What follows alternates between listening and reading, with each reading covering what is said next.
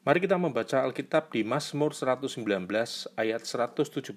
Aku sesat seperti domba yang hilang. Carilah hambamu ini, sebab perintah-perintahmu tidak kulupakan.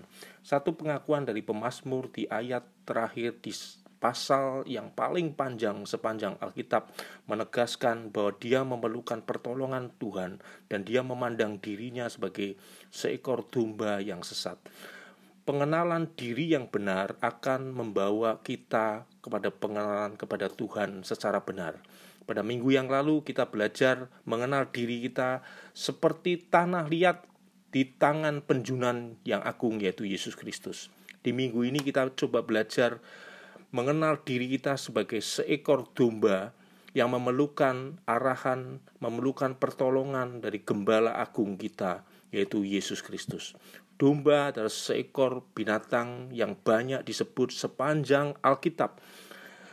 Domba merupakan seekor binatang yang bodoh, seekor binatang yang keras kepala. Alih-alih untuk mempertahankan dirinya dari serangan luar maupun dari dalam dirinya sendiri, untuk mencari makan dan minum saja, seekor domba perlu arahan daripada gembala. Pada pagi hari ini kita belajar memandang diri kita, betapa kita memerlukan pertolongan Tuhan. Seperti seruan dari pemazmur ini mengatakan, "Carilah aku, Tuhan.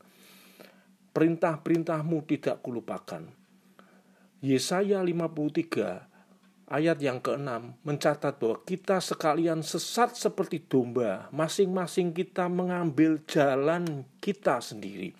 Yesaya 53 sepanjang pasal itu bicara mengenai nubuatan penderitaan Yesus Kristus.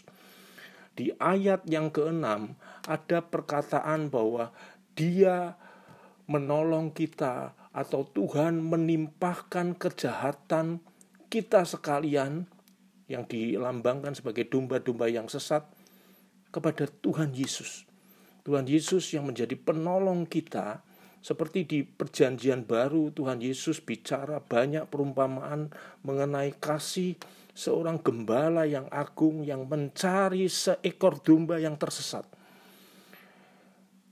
Pada pagi hari ini, kita mau menyadari bahwa kita adalah seekor domba yang sesat pada saat ini, dan tetapi kita sudah diselamatkan oleh kasih Tuhan Rasul Petrus di suratnya mengatakan bahwa sebab dahulu kamu sesat seperti domba, tetapi sekarang kamu telah kembali kepada gembala dan pemelihara jiwamu.